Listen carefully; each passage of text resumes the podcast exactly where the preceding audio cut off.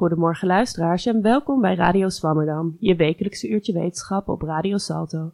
Mijn naam is Lianne Hoijmans en vandaag gaat de uitzending over recht en gedrag. Het lijkt zo makkelijk. Als je wilt dat mensen iets niet doen, dan maak je een regel die dat verbiedt en bij overtreding van die regel volgt een straf. Is het onduidelijk of iemand die regel heeft overtreden, dan onderwerp je diegene aan een verhoor en als hij bekent, dan is hij schuldig. Maar toch vinden er in onze samenleving nog iedere dag strafbare feiten plaats en ook bekentenissen komen nog steeds voor. Uh, valse bekentenissen. Hoe dat kan, is een vraag die het recht niet kan beantwoorden. Daarvoor moeten we te raden gaan bij gedragswetenschappers.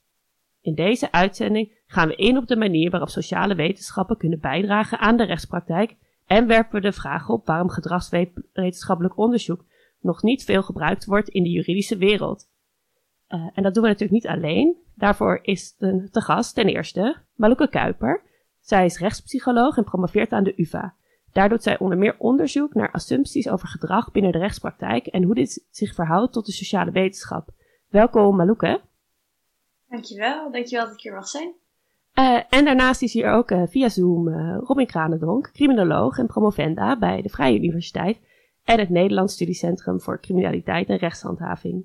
Zij doet momenteel onderzoek naar het verdachte verhoor bij mensen met een lichtverstandelijke beperking. Welkom ook Robin. Ja, goedemiddag. ook hartelijk dank om in de uitzending te zijn. Ja. de column is vandaag weer van tevoren opgenomen en is van de hand van Jouke Huizer. Hij is zelf promovendus in de politieke wetenschappen en hij zal ongetwijfeld een interessante reflectie hebben op de relatie tussen recht en sociale wetenschap. En tenslotte uh, is hier ook aanwezig in haar eigen huiskamer uh, mijn co-presentator Tanne van der Wel. Hallo Tanne. Hi. Goedemorgen. Uh, goedemorgen. Um, en voordat we met onze gasten verder praten, Tanne, Houd jij je altijd aan de regels? Uh, laten we een concreet voorbeeld noemen. De avondklok bijvoorbeeld. Ja, word ik even voor het blok gezet hier. Telt het als een bekentenis als ik nu zeg dat ik dat niet altijd 100% doe? Um, nee, ja, over het algemeen hou ik me wel aan regels. Ik ben best een beetje een pussy. Uh, dus ik zeg dan altijd heel stoer, ja, dan ga ik wel gewoon een keertje alsnog door de avondklok heen. Maar eigenlijk ben ik dan meestal wel netjes precies om 1 voor 10 hier, of 1 voor 9 hier binnen. um, Maar uh, ja, heel af en toe. Ik heb hier naast wat vrienden wonen die zeg maar een straat verderop wonen. Daar ben ik wel eens ja, toch na negen uur nog heen gewandeld. En wat zou jij dan je overwegingen om die regel te doorbreken? Waarom ja. houd je er niet aan? Ja, ik denk dus wel dat ik er wel over nadenk wat voor soort regel het is, toch wel. Dat, ja, het is um, dat ik dan denk van ja, maakt het nou uit dat ik hier dit uurtje langer blijf? Ja, misschien dan minder. En Um, ja, in die zin, hoe groot is de kans dat er ergens politie rondloopt? Ja, dat is natuurlijk bij een stuk van 30 minuten veel groter dan bij een wandelingetje van 1 minuut. Um, maar ja, mag natuurlijk eigenlijk niet. Nee, het mag eigenlijk niet. Nou, we zullen ongetwijfeld nog in deze uitzending terugkomen op uh, welke beweegredenen mensen dan vanuit gedragswetenschappelijke inzichten zouden. Uh, welke beweegredenen mensen hebben om wel of niet uh, zich aan regels te houden. Uh, daarvoor gaan we ten eerste praten met Maluke Kuiper. Nogmaals, welkom. jij doet dus onderzoek naar de, aan de UvA, aan het, naar het gat tussen de sociale wetenschap en de assumpties binnen het recht. ja, wat is dit gat? Dat is een hele goede vraag. Dat is eigenlijk precies mijn onderzoek. Wat is dit gat en waarom is er ook een gat? Um, het lijkt erop dat er um, nou ja, het, het, recht heeft verschillende functies. En een van die functies is eigenlijk het, het sturen van menselijk gedrag. Uh, dus niet alleen als er al bepaald gedrag heeft plaatsgevonden, dan het recht toepassen. Maar zoals je ook al zei in het, in het intro, we hebben bepaalde regels waarvan we dan verwachten dat mensen dingen niet meer doen. Zoals bijvoorbeeld niet meer naar buiten na negen uur, tenzij een hond hebt of een goede reden. Um, maar goed, we stellen met z'n allen regels op en we verwachten dan dat dat het gedrag van mensen daadwerkelijk beïnvloedt. Um, maar nu lijkt dat toch anders te zijn eigenlijk dan, dan dat er in het recht van uit wordt gegaan. Er zijn bepaalde aannames, assumpties over hoe mensen vanuit het recht denken dat ze het gedrag van mensen kunnen beïnvloeden. Mm -hmm. uh, en dat komt niet altijd overeen met wat we weten vanuit sociale wetenschap. En, en kun je een voorbeeld noemen van zo'n zo'n aanname? Zeker. Um, wat we nu, dat is wel ook een politieke kwestie, maar wat we eigenlijk veel horen de laatste jaren is dat toch wel echt een roep is om, om harder te gaan straffen. Uh, in 2019 is er een wetsvoorstel aangenomen om bepaalde verkeersovertredingen harder uh, te bestraffen. Nu is er onlangs natuurlijk het taakstrafverbod door de Tweede Kamer heen gekomen. Uh, dat gaat zelfs dan om minimumstraffen die, die verhoogd worden. En dat is het taakstrafverbod gaat waarover? Het taakstrafverbod gaat over dat je geen taakstraf meer mag geven als rechter zijnde uh, wanneer er uh, geweld tegen hulpverleners heeft plaatsgevonden. Mm -hmm. Begrip hulpverleners is redelijk breed geworden in het, in het wetsvoorstel. Maar denk onder andere aan uh, politie en ambulancebroeders. op het moment dat je daar gewelddadig tegen doet, dan zou je geen taakstraf meer kunnen krijgen. Dan moet je een gevangenisstraf krijgen. Daar komt het taakstrafverbod eigenlijk op neer. Mm -hmm. En het idee daarachter is onder andere dat het zo'n erg ernstig misdrijf is dat een taakstraf niet meer voldoende is volgens de ministers. Maar ook dat het zou voorkomen dat het gebeurt. Dus de aanname is eigenlijk dat omdat we harder gaan straffen, dus gevangenisstraf in plaats van een taakstraf, dat dat zou helpen bij het voorkomen van geweld tegen hulpverleners. Maar vanuit sociale wetenschap um, weten we eigenlijk dat het afschrikken van mensen eigenlijk heel complex is. En dat het niet alleen gaat om harder straffen, maar eigenlijk ook al, wat net ook tijdens het intro werd gezegd, van hè, hoe zeker ben je dat je wordt gepakt? Dat, dat soort overwegingen nemen mensen ook mee. Maar er komt ook nog eens bij kijken dat er heel erg van uit wordt gegaan dat mensen dus een rationele keuze maken. Van hè, ga ik deze steen nu gooien naar de politie of niet? Terwijl misschien kunnen we met z'n allen toch wel bedenken dat dat vaak op zo'n moment heel anders werkt.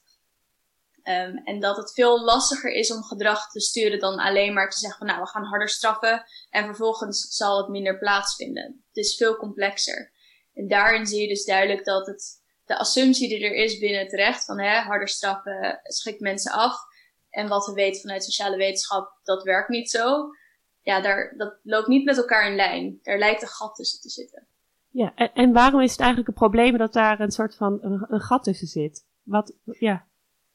Nou ja, als maatschappij gaan we ervan uit natuurlijk eigenlijk dat het recht hebben zo ingericht dat dat onze normen en waarden hanteert. En dat we met z'n allen de maatschappij zo inrichten dat iedereen zich daar eigenlijk aan houdt.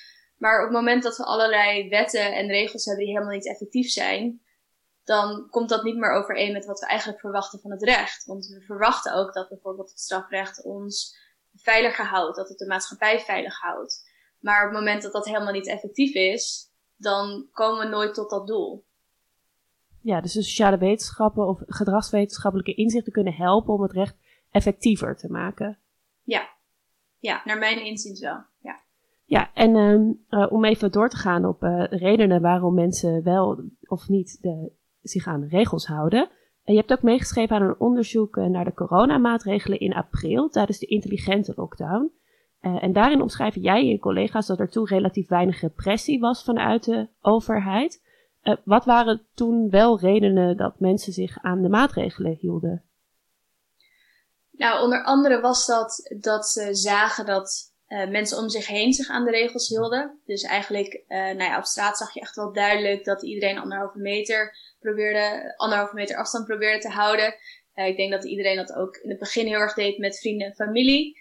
En omdat je dan ziet dat andere mensen dat doen, dus dat dat eigenlijk de sociale norm is, dan ga je jezelf daar ook eerder aan houden. Dat zagen we ook uit dat onderzoek. Um, maar ook bijvoorbeeld dat de angst voor het virus voor mensen ja, toch wel zo groot was in het begin, dat mensen ook daadwerkelijk zich aan die maatregelen wilden houden.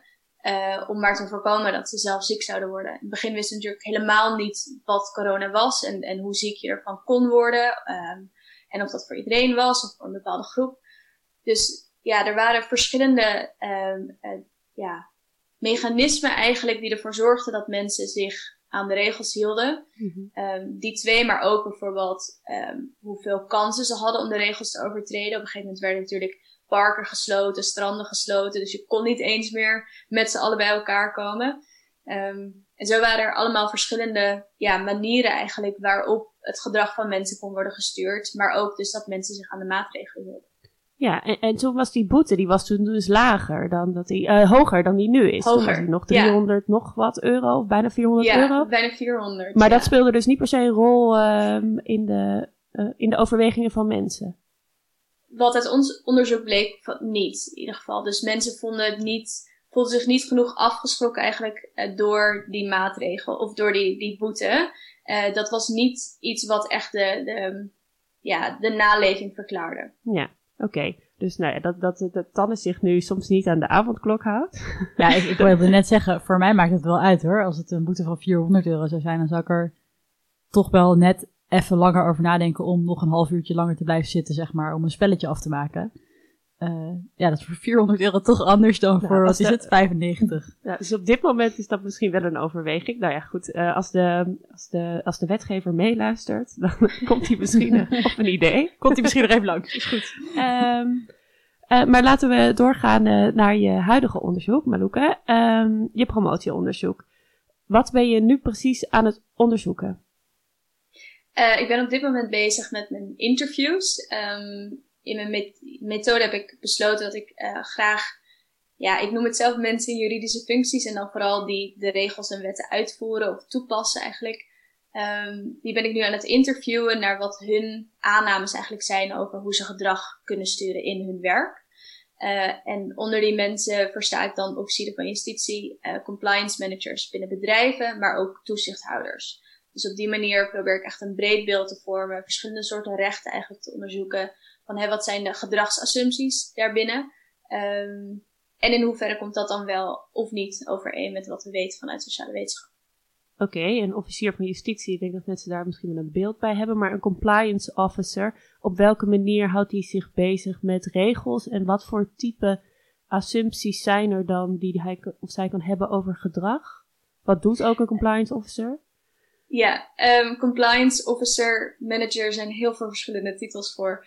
Um, het is een redelijk nieuw, nieuw vakgebied ook eigenlijk. Het is echt pas groot geworden sinds de vorige financiële crisis uh, binnen de bankenwereld. Um, en wat een compliance officer eigenlijk doet binnen een bedrijf is zorgen dat er wordt voldaan aan wet en regelgeving. Maar dat, dat wordt nu steeds groter. Dat gaat niet alleen maar over echt de, de zwart-witte wet en regelgeving, maar eigenlijk ook over een soort van ja, de, de omgangsvormen binnen een bedrijf. Dus daar komt ook veel meer cultuur bij kijken. Uh, MeToo heeft daar ook een, een grote um, rol in gehad. Dat ja, toch meer misstanden natuurlijk naar boven zijn gekomen, ook binnen bedrijven. Um, dus daar wordt nu veel meer aandacht is daar eigenlijk op. Van hoe kunnen we nou zorgen dat, um, ja, dat mensen zich gedragen naar de normen en waarden van een bedrijf. En dat is eigenlijk nu de taak van een compliance manager om te zorgen dat uh, er geen misstanden of overtredingen of moeilijkheden plaatsvinden binnen bedrijf. In ieder geval zo minimaal mogelijk. Wil niks is onmogelijk natuurlijk, dat, dat, ja, dat gaat niet. Maar dat probeer je in ieder geval in kaart te brengen en te kijken van hè, hoe kan ik ja, eigenlijk het gedrag van mensen binnen een bedrijf um, sturen. Ja, ja, duidelijk. En kun je, kun je al een voorbeeld noemen van een uh, een, een aanname die mensen hebben? Um, dat vind ik een moeilijke vraag, omdat ik nog midden in mijn interview zit. Dus ik, kan nog, ik heb nog geen analyse gedaan of wat dan ook. Dus ik ben er dan voorzichtig mee uh, om, om al iets te zeggen daarover. Um, ja, er zijn ook zoveel verschillende aannames eigenlijk die je kan hebben. Um, ik denk dat het vooral is van hè, in hoe ontwikkelt compliance zich op dit moment. En er zijn, komen gewoon langzaamaan inzichten van hè, dat cultuur bijvoorbeeld een heel belangrijk iets is binnen een bedrijf. Maar ja, wat is cultuur en hoe beïnvloed je dan cultuur? Dus ik weet niet of daar, ik kan niet zeggen of er aannames over zijn, maar ik zie wel dat er nieuwe um, aandachtspunten eigenlijk zijn, waar de kennis misschien nog niet helemaal zit in het bedrijfsleven. Hm, ja. En, en uh, als je dan dus weet uh, hoe deze mensen zelf, de of zeg maar zelf denken over uh, hoe zij gedrag kunnen sturen, want dat is wat je onderzoekt. Mm -hmm. uh, hoe vergelijk, waar vergelijk je dit dan mee om erachter te komen? Met, wat voor sociale wetenschappelijke inzichten vergelijk je dat dan? Dat, ja, um, ik ben onderdeel van een groter project. en binnen dat project wordt eigenlijk meer door andere mensen ook in kaart gebracht van hè, wat weten we allemaal vanuit sociale wetenschap. Dat is ook namelijk een probleem vanuit de weet, nou, alle wetenschap eigenlijk wel, maar vooral sociale wetenschap op dit moment, dat het heel erg ja, versnipperd is bijna. Je vindt overal wel journals en artikelen en dan heb je hier weer een meta-analyse, maar dan is daar weer niks echt over bekend. Dus het is ook best wel lastig om daar een soort van geheel van te maken. Um, dus ik ben vooral aan het focussen eigenlijk wel op meta-analyses. Dus dat zijn studies over verschillende studies bij elkaar. Dus een soort van grotere conclusie over meerdere studies. Om dat zo in kaart te brengen en dan te kijken van hé, wat weten we wel, wat weten we ook niet. We weten ook heel veel natuurlijk niet. Um, maar ook van hé, hoe, hoe, zeker zijn mensen erover in de praktijk en hoe zeker zijn we erover in de wetenschap. Um, dus ik probeer dat eerst een soort van in kaart te brengen voor mezelf en ook ja, uiteindelijk misschien wat meer te gebruiken ook voor de praktijk als het allemaal iets meer geordend is. Um, en dat moet uiteindelijk naast elkaar komen te liggen.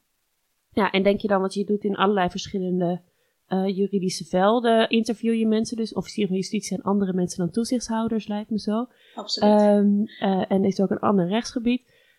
Denk je dat dan de gedragswetenschappelijke inzichten van toepassing zijn op al die rechtsgebieden, of zijn er ook weer variaties in? Ja, goede vraag. Um, ik denk dat daar zeker variatie tussen is. Um, een officier van justitie focust zich natuurlijk veel meer op het strafrecht. Terwijl een toezichthouder zowel uh, dingen kan doen binnen het strafrecht als ook binnen het bestuursrecht.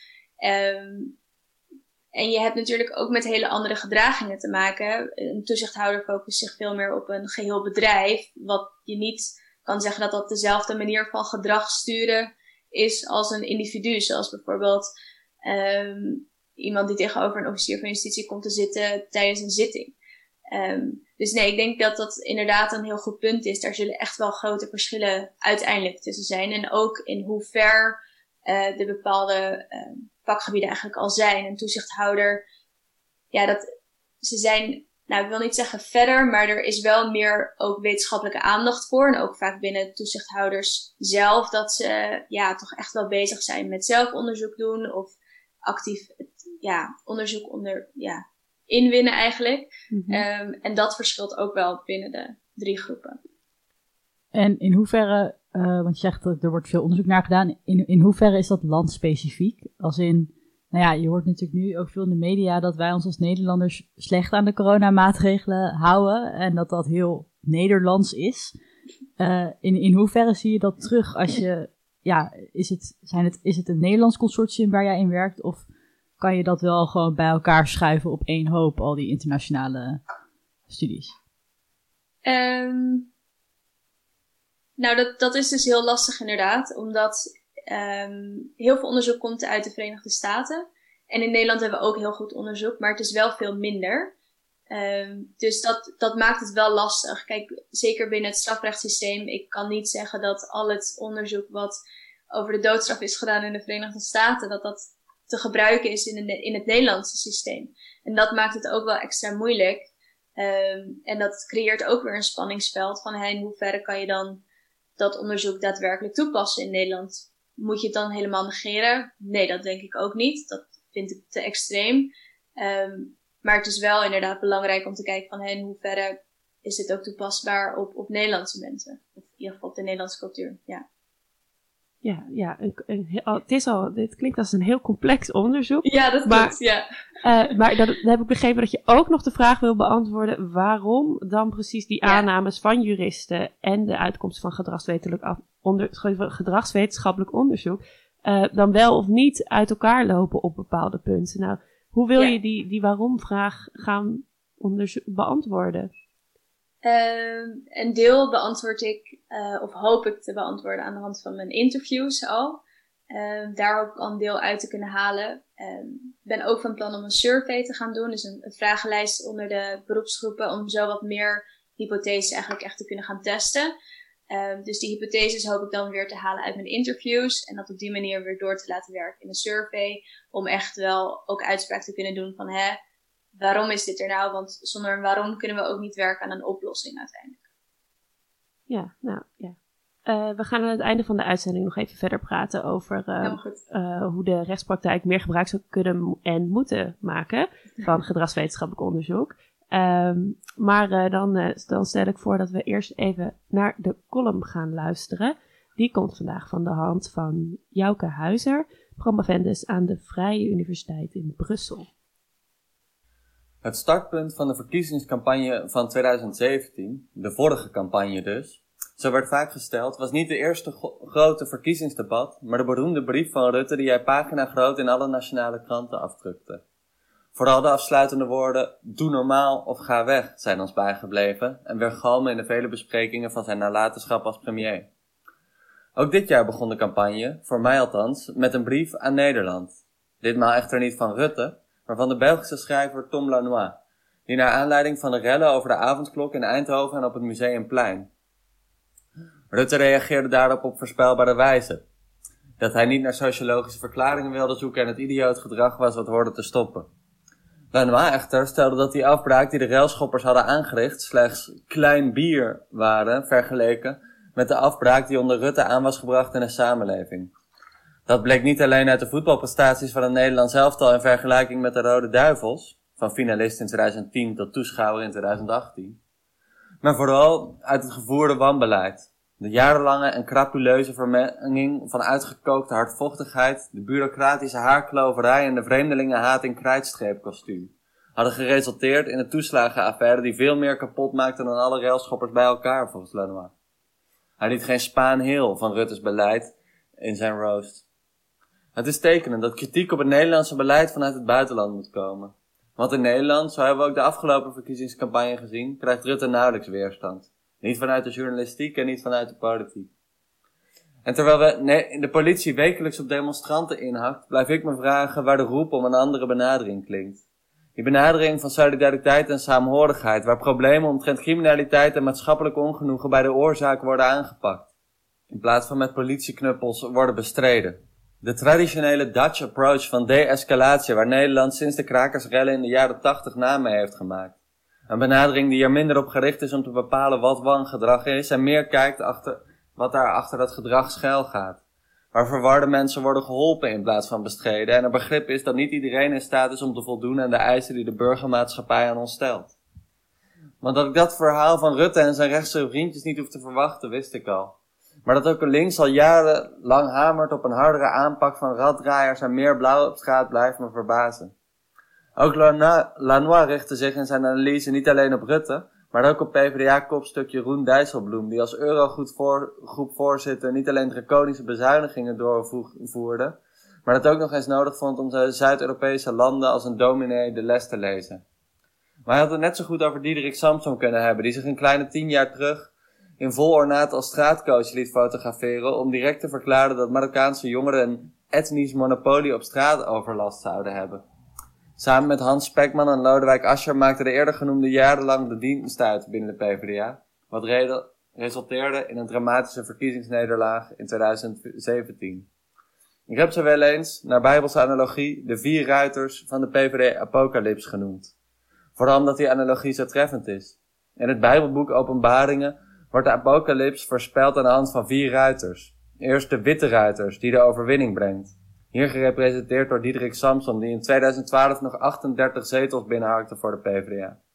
Het was een valse overwinning, want daarna moest hij veel van zijn plannen uitwisselen met Rutte. Daarna ging het hard bergafwaarts. Eerst volgde de rode ruiter, die strijd en verdeeldheid brengt. De gedachte gaat onwillekeurig uit naar Spekman, wiens lot werd bezegeld door de tweestrijd binnen de PvdA, nadat hij eerder al Kuzu en Osturk uit de partij had verdreven. Daarna volgde de zwarte ruiter, Dijsselbloem, die honger en armoede brengt. Dan resulteert alleen nog Asher om te dienen als vaderruiter, gekenmerkt door plagen, dood en verderf. De coronapandemie vervolledigt zodoende de analogie. Dat er weinig is veranderd binnen de PvdA blijkt niet alleen uit het afgelopen verkiezingsresultaat, maar bijvoorbeeld ook als uit de blijvende roep om een fatsoenlijker Nederland, zoals in de titel van het afgelopen verkiezingsprogramma te lezen was. Doordat paternalistisch links al jaren meegaat in de rechtse verhaal waarin je pas volwaardig deelneemt aan de samenleving wanneer je je fatsoenlijk gedraagt, is er volgens mij een van de belangrijkste oorzaken waarom linkse partijen ook de afgelopen verkiezingen weer een desastreus resultaat boekten. Wanneer veranderde de PvdA weer terug van de partij van de ruiters in die van de stalknechten? Niet alleen de PvdA wil meer agenten. GroenLinks wil ook meer blauw op straat. De SP wil investeren in de politie. Zelfs de Partij voor de Dieren wil meer politie maar dan wel uitsluitend dierenpolitie. De roep om meer blauw op straat lijkt een verplicht nummertje in ieder verkiezingsprogramma. Terwijl we vanuit de samenleving steeds luidere kreten horen als defund the police, gaan politieke partijen stug op de oude voet verder. Of wat zeg ik? Oude voet? Was Nederland niet beroemd om zijn kritiek op de politie? Beroemd vanwege het witte kippenplan waarin politieagenten tot sociaal werkers verworden? Van die kritiek lijkt weinig over. Alleen bij bijeen kwam ik de zin tegen: wij investeerden niet in de politie. Maar omdat verder niemand de roep meer, uh, om meer politie in vraag stelt, verwerft Rutte's ideaalbeeld van Nederland een bijna hegemoniale status. Het idee dat je met 130 over de snelweg moet kunnen scheuren, de wereld vol stikstof mag pompen, klimaatbeleid vooral niet ten koste mag gaan van de economie, iedereen op je erf, die op je erf komt straffeloos in elkaar mag timmeren. Iedereen die het niet met je eens is, op moet pleuren en anders de politie er vrijelijk op los mag rammen. Een land waar we vooral niet naar sociologische verklaringen voor de ontstaande misère moeten zoeken. Wie gaat dat land nou eens bevragen? Ja, uh, je luistert naar Radio Swammerdam. Uh, we hebben het in deze uitzending over recht en gedrag. En we hoorden zojuist de ronkende, geëngageerde column van Jouke Huizer. Uh, aan het begin en aan het einde van zijn column benoemt hij dat Rutte eigenlijk nooit wil vragen om sociologische verklaringen. nou, Malouka, jij bent een rechtspsycholoog. toen Rutte dit zei, wat dacht je toen?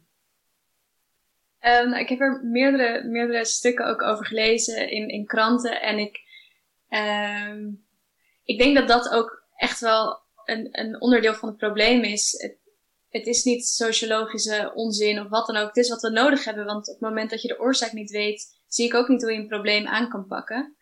Um, en dat het vaak als soft wordt gezien, daar ben ik het ook helemaal niet mee eens. Eigenlijk is het de kern van het probleem, denk ik. Nou, dan uh, sluit deze column toch nog perfect aan op onze uitzending. Um, laten we nu doorgaan naar onze tweede gast, Robin Kranendonk. jij bent criminoloog en promoveert momenteel bij de Vrije Universiteit en het Nederlands Studiecentrum voor Criminaliteit en Rechtshandhaving. Um, welkom nogmaals. Ja, dankjewel. je hebt al eerder ook onderzoek gedaan naar de verschillende manieren uh, van weergave van verhoor in, in procesverbaal uh, stukken. Misschien eh, kun je beginnen met waar dat onderzoek precies over ging. Ja, ik zal proberen om het kort samen te vatten. Het was een onderzoek Kijken, Luisteren, Lezen, uitgevoerd in 2015 voor politie en wetenschap. Um, en eigenlijk de, de grondslag van het onderzoek betreft dat uh, het Nederlandse strafproces een sterk schriftelijk karakter heeft. Uh, de rechter behandelt een zaak op basis van het onderzoek gedaan voor de zitting. En de resultaten worden in een schriftelijk dossier vastgelegd. En hiervan zijn processen verbaal een heel groot onderdeel. Deze kunnen ook als bewijs uh, worden gebruikt.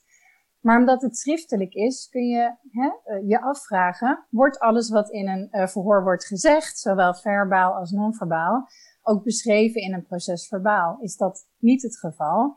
Um, ja, in, in, in hoeverre heb je dan uh, een goede blik op hoe het verhoor is verlopen? Hè? Is er druk geweest? Is een verklaring echt uit een verdachte getrokken? Of ging dit uh, vrij soepel en conflictloos? Um, dus dat was eigenlijk een eerste vraag. Hè? In hoeverre geeft een uh, procesverbaal het verhoor weer? En daarbij worden uh, ter terechtzitting is er nu steeds meer de mogelijkheid om ook audiovisuele of auditieve opnamen van het verhoor te laten zien. En uh, daarbij komt eigenlijk, uh, ja, wordt emotie ook erin gebracht. Want bij het bijvoorbeeld zien van non-verbaal gedrag, emoties, kan dat iets doen met bijvoorbeeld de overtuiging van de rechter over de, de de onschuld over de verdachte. Dus eigenlijk hebben wij onderzoek gedaan um, naar uh, ja, hoe procesverbaal worden beschreven. En naar uh, de invloed van audiovisuele opname van verhoren op het procesverbaal, het oordeel over de verdachte en de aannemelijkheid van zijn of haar verhaal. En uh, wat voor je audiovisuele opname, dat waren dan in plaats van geschreven ook ehm, met video? Ja, Klopt, ik heb in fase 1 van het onderzoek uh, hebben we 55 processen verbaal met opname van het verhoor vergeleken. En dat waren eigenlijk uh, zaken van diefstal, zeden en, en, en moord. Um, en we hebben gewoon woordelijk gekeken wat er in het proces verbaal stond en wat er in uh, transcripties die ik heb gemaakt van verhoren stond beschreven. En daaruit bleek dat eigenlijk gemiddeld 24% van wat er in een verhoor wordt gezegd, wordt beschreven in een procesverbaal. Uh, ja, er was bijvoorbeeld ook één procesverbaal bij waar slechts 2% van het gehele verhoor stond beschreven. dus ja, daarbij vraag je dan af, is het erg? Welke informatie wordt weggelaten? En wat we daarin zagen was dat eigenlijk, hè, je hebt hoofdvragen per nieuw onderwerp. En daarop volgen vervolgvragen om de verdachte te omsingelen of om informatie uit de verdachte te verkrijgen. En het merendeel, 63% van hoofdvragen worden wel genoteerd in een procesverbaal, maar slechts 25% van de vervolgvragen en ook maar 21% van de antwoorden van de verdachte. Nou ja, oh. hoe, hoe komt dat? Was, uh, uh, we hebben goed nagedacht en bekeken uh, waar dat aan ligt. de antwoorden worden eigenlijk samengevoegd. Hè? De, alle antwoorden op de vervolgvragen worden eigenlijk onder de hoofdvraag weergegeven. En dit kan eigenlijk meerdere gevolgen hebben, namelijk dat de verdachte meer coöperatief, bereidwillig en zeker erover komt. Hè. Je ziet meteen een heel uitgebreid antwoord op een hoofdvraag, terwijl het soms wel tien minuten duurde om een antwoord van de verdachte te verkrijgen. Um, en ja, het, conflicten blijken er niet uit. Uh, het verhoor lijkt heel vloeiend te verlopen. Dus dat waren e-, enkele eerste resultaten bij de vergelijking. Ja, en, en uh, zou je dan heb, je, kwamen er ook aanbevelingen uit dit onderzoek? Zeg maar, is dan de aanbeveling om altijd de videoopname erbij te voegen? Of? Nou ja, we hebben onderzocht in hoeverre het, het zien van uh, een verhoor en het daarbij behorende uh, non-verbale gedrag, maar ook het, het horen. We hebben verschillende versies voorgelegd aan 270 rechtenstudenten van een verhoor. Zowel audiovisueel, auditief als in een proces verbaal met non-verbaal gedrag en zonder non-verbaal, of zo min mogelijk non-verbaal gedrag beschreven. En daaruit kwam naar voren dat, uh, stel dat een rechter een, een, verhoor op video ziet of in een proces verbaal leest, met daarin non-verbaal gedrag uh, vertoond of beschreven, dat de verdachte minder geloofwaardig wordt bevonden um, en men aanneemt dat deze niet de waarheid vertelt vergeleken met het, het, uh, het niet vertonen van non-verbaal gedrag. Uh, dus je ziet wel dat audiovisuele opnamen, waarbij dus non-verbale gedragingen te zien zijn, invloed kunnen hebben op het oordeel van de rechter over ja, schuld van de verdachte of de aannemelijkheid of geloofwaardigheid van het verhaal. Dus wat onze aanbevelingen onder meer waren, was dat hè, een proces verbaal is gewoon kort te lezen, kort en bondig en dus het meest efficiënt. Maar naast procesverbaal moeten wel ook opnamen in het dossier worden gevoegd puur, uh, stel het zijn complexe zaken waarin uh, bewijs wordt betwist, dan kan het worden afgespeeld. Of vooraf, of wanneer bijvoorbeeld een advocaat aangeeft dat een verklaring onder druk is afgelegd. Um, auditieve opnamen zijn gemakkelijker uh, qua opname dan dat je een hele studio moet hebben waarbij je audiovisuele opname kan maken. Dus het zou bijvoorbeeld een aanbeveling kunnen zijn om elk verhoor auditief op te nemen. Ja, en, en weet je eigenlijk of dit in de praktijk ook gebeurt? Er uh, is een aanwijzing uh, voor. En hierin staat beschreven bij wat voor soort zaken opnamen moeten worden gemaakt. Maar hier kom je, en dat is dan ook eigenlijk al een link naar het onderzoek waar ik nu mee bezig nou, ben. Nou, dat is nou mooi. Ja. hier staat bijvoorbeeld ook beschreven, hè, indien het een uh, verhoor van een kwetsbare verdachte betreft, hè, dan moet het worden opgenomen. Maar daarbij is dan de vraag, wanneer is het een kwetsbare verdachte? Want dit wordt heel vaak niet uh, erkend, herkend of het is nog niet bekend. Ja, nou, dat is een perfect berichtje naar je uh, huidige promotieonderzoek. Uh, je, dat gaat over politieverhoren van kwetsbaren of mensen met een licht verstandelijke beperking. Ja. nou, kun je zelf vertellen wat je precies onderzoekt? Ja, ik kijk in mijn onderzoek naar de knelpunten en risico's van verhoormethoden in het politieverhoor voor de betrouwbaarheid van de verklaring van verdachten met een lichtverstandelijke beperking. En ik kijk, en dat is ook het doel van het onderzoek, uh, hoe het voor deze kwetsbare procesdeelnemers kan worden geoptimaliseerd. nou, waarom doen we dit onderzoek? Er komt steeds meer aandacht in de strafrechtketen voor um, ja, mensen met een lichtverstandelijke beperking. In 2018 is er door het ministerie van Justitie en Veiligheid samen met ketenpartners binnen de strafrechtketen een meerjarenvisie LVB opgesteld om de strafrechtketen LVB-proof uh, te maken. En LVB is? Ja, kort ik even af tot uh, lichtverstandelijke beperking, LVB. Dan uh, is het iets gemakkelijker in de ja. communicatie. Uh, en deze groep is oververtegenwoordigd in het strafproces. onderzoeken laten zien dat tussen de nou ongeveer 30 en 45 procent van volwassenen in detentie een lichtverstandelijke beperking heeft. En onder jongeren is dit percentage nog hoger. Andere onderzoeken wijzen soms wel 80 procent uit. Maar ik denk dat uh, we kunnen stellen uh, dat ongeveer, ja, mogelijkerwijs, want het is natuurlijk niet bewezen, maar een derde van de verdachten in een politieverhoor een lichtverstandelijke beperking kan hebben. Dus het is een groep waar je echt rekening mee moet houden. Um, vooral omdat deze groep niet snel wordt herkend. Zij hebben ontzettend streetwise gedrag, zijn soms verbaal, hè, komen heel sterk over, terwijl ze eigenlijk geen hmm. idee hebben van ja, wat er aan de hand is of uh, in wat voor situatie zij zich bevinden. Um, en in een verhoor kunnen zij bijvoorbeeld vanwege beperkingen in het geheugen uh, bepaalde gebeurtenissen in de tijd niet plaatsen. En ze hebben geen inzicht.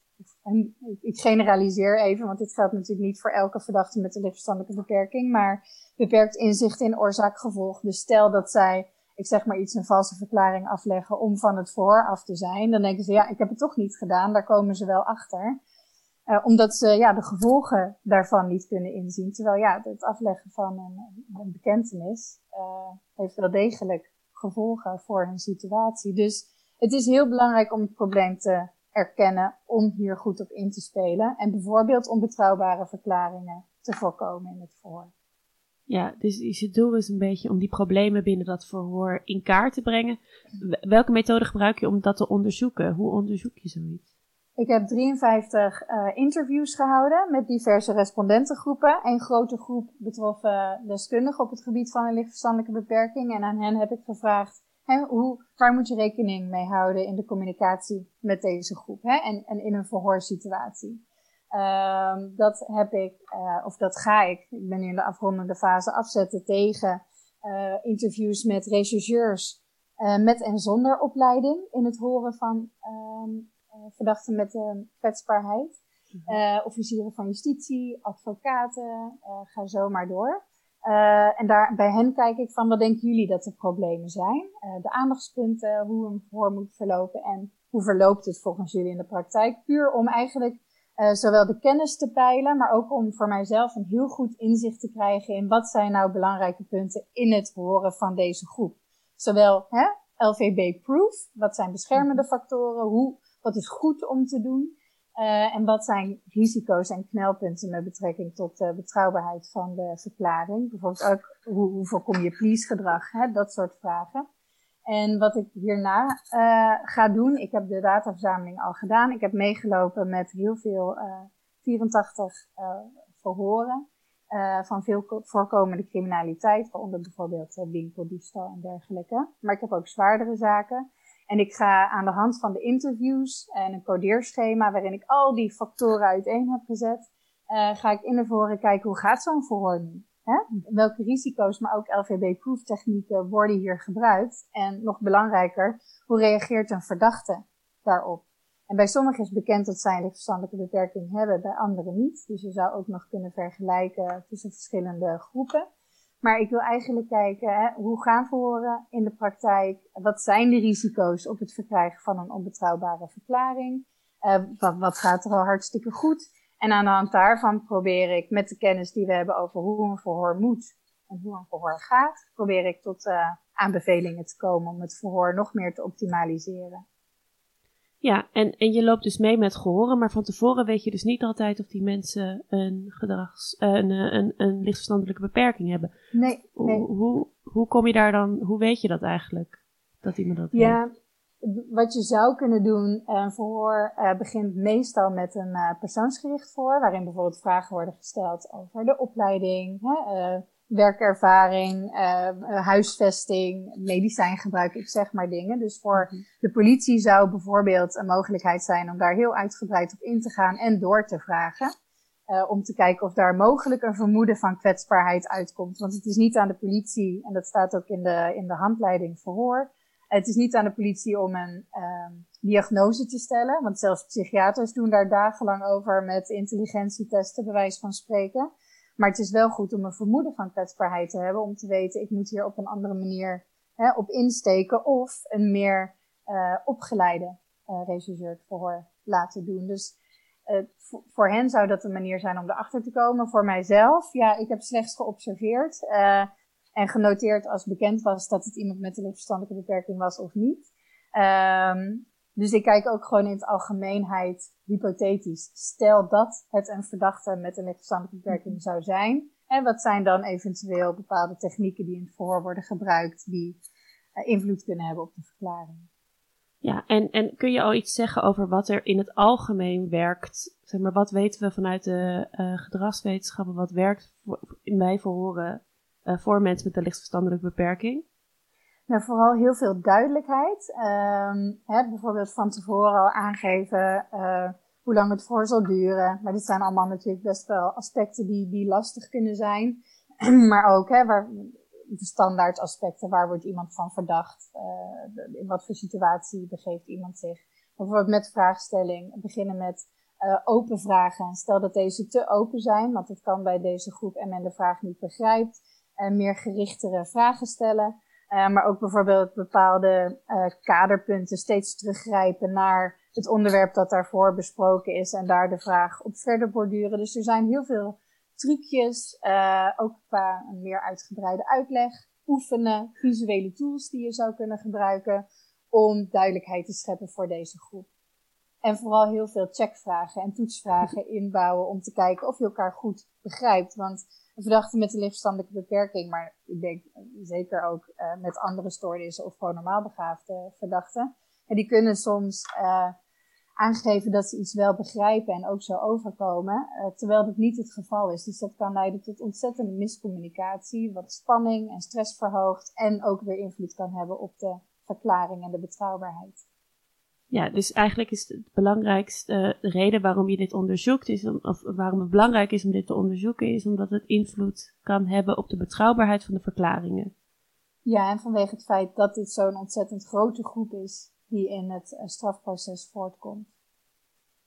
En, en uh, je onderzoek gaat dus niet per se over de redenen waarom deze groep uh, veel in het strafproces voor, terugkomt.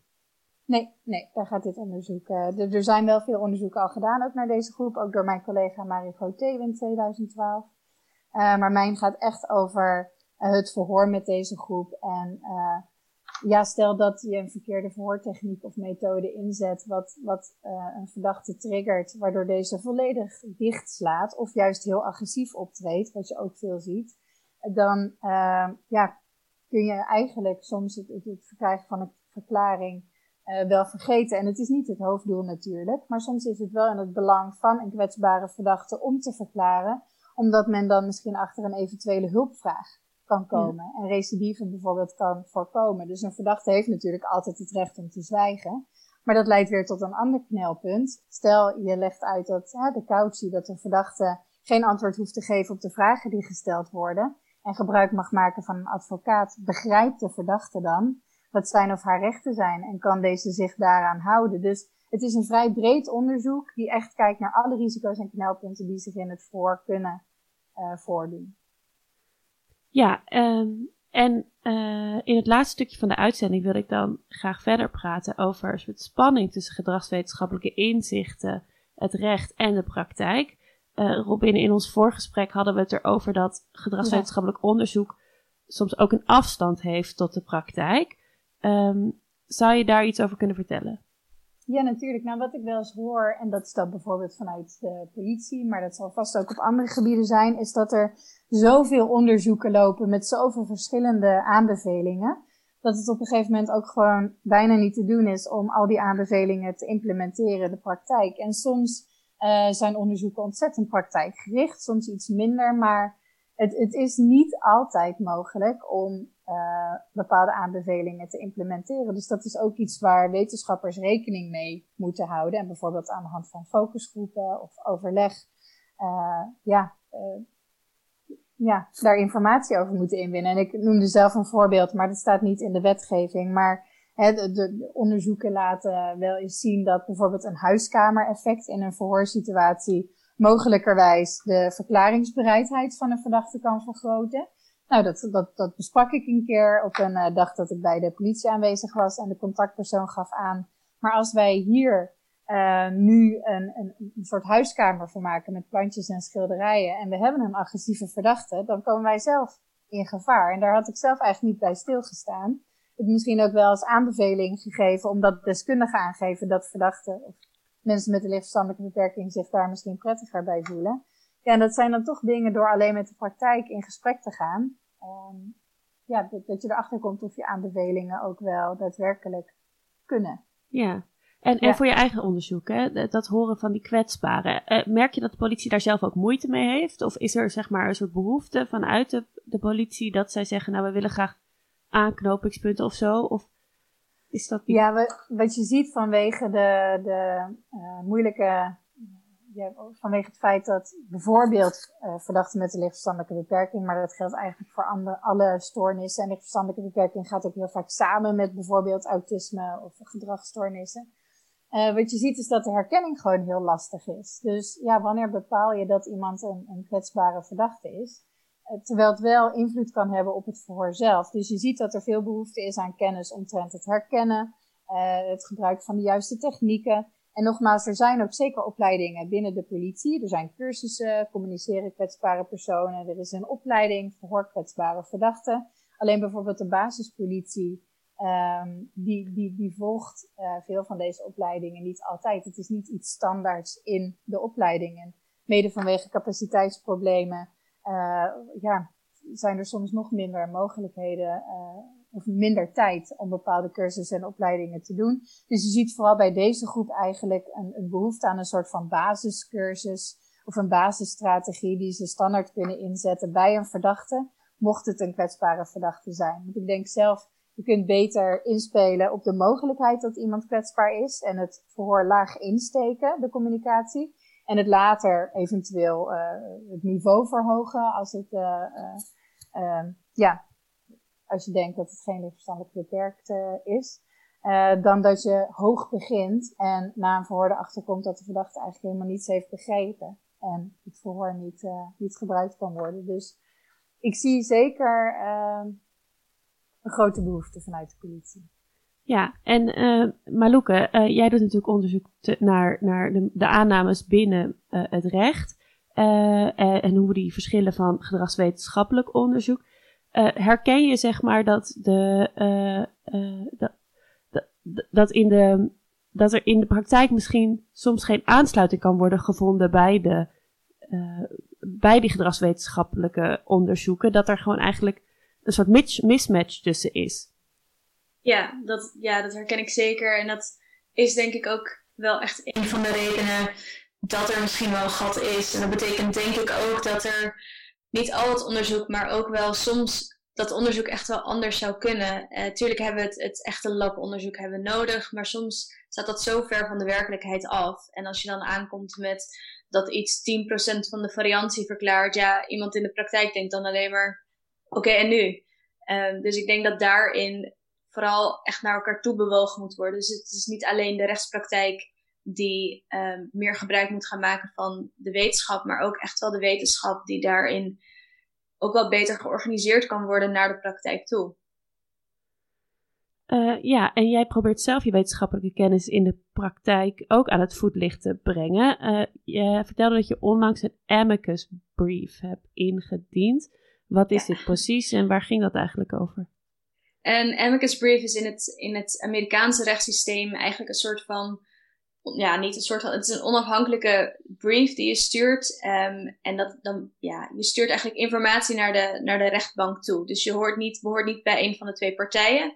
Um, maar je geeft eigenlijk onafhankelijk advies aan de rechtbank hoe jij over een bepaalde kwestie denkt.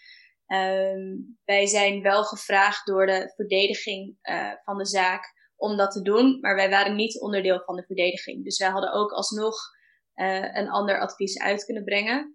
Het ging over een zaak waarin twee verdachten uh, hadden gezegd dat zij militair zijn. En in uh, Montana, dus de staat waar het plaatsvond, heb je dan uh, het recht om via een bepaald soort militair recht berecht te worden.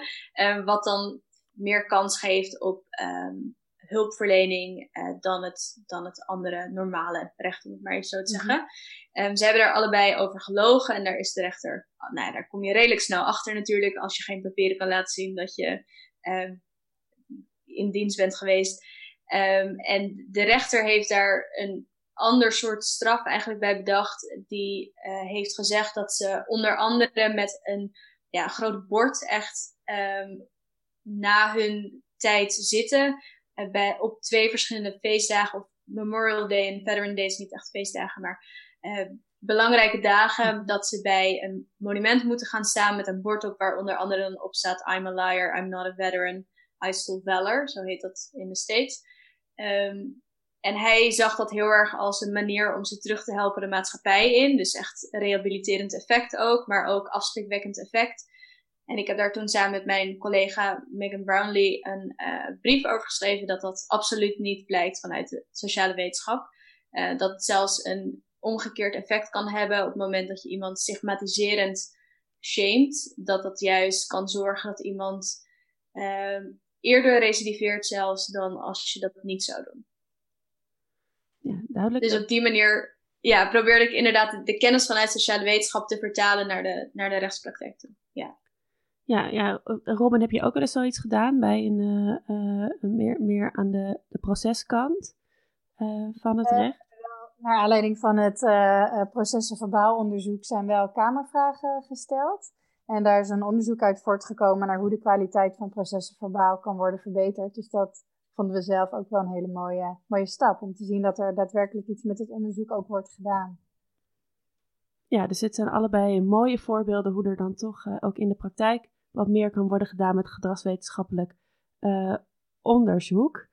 Um, nou, daar zijn we denk ik, dan is het eigenlijk wel een, uh, een heel mooi einde van onze aflevering. Vandaag hadden we het over compliance en valse bekentenissen, de impliciete aannames van juristen en het belang van non-verbale communicatie.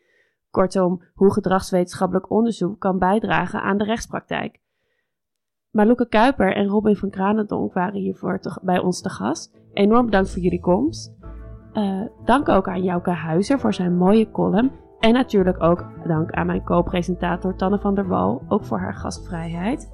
Wederom uitgezonden vanuit haar woonkamer. Uh, vanmiddag zal deze uitzending online worden gezet. Die is dan terug te luisteren op onze website radioswammerdam.nl.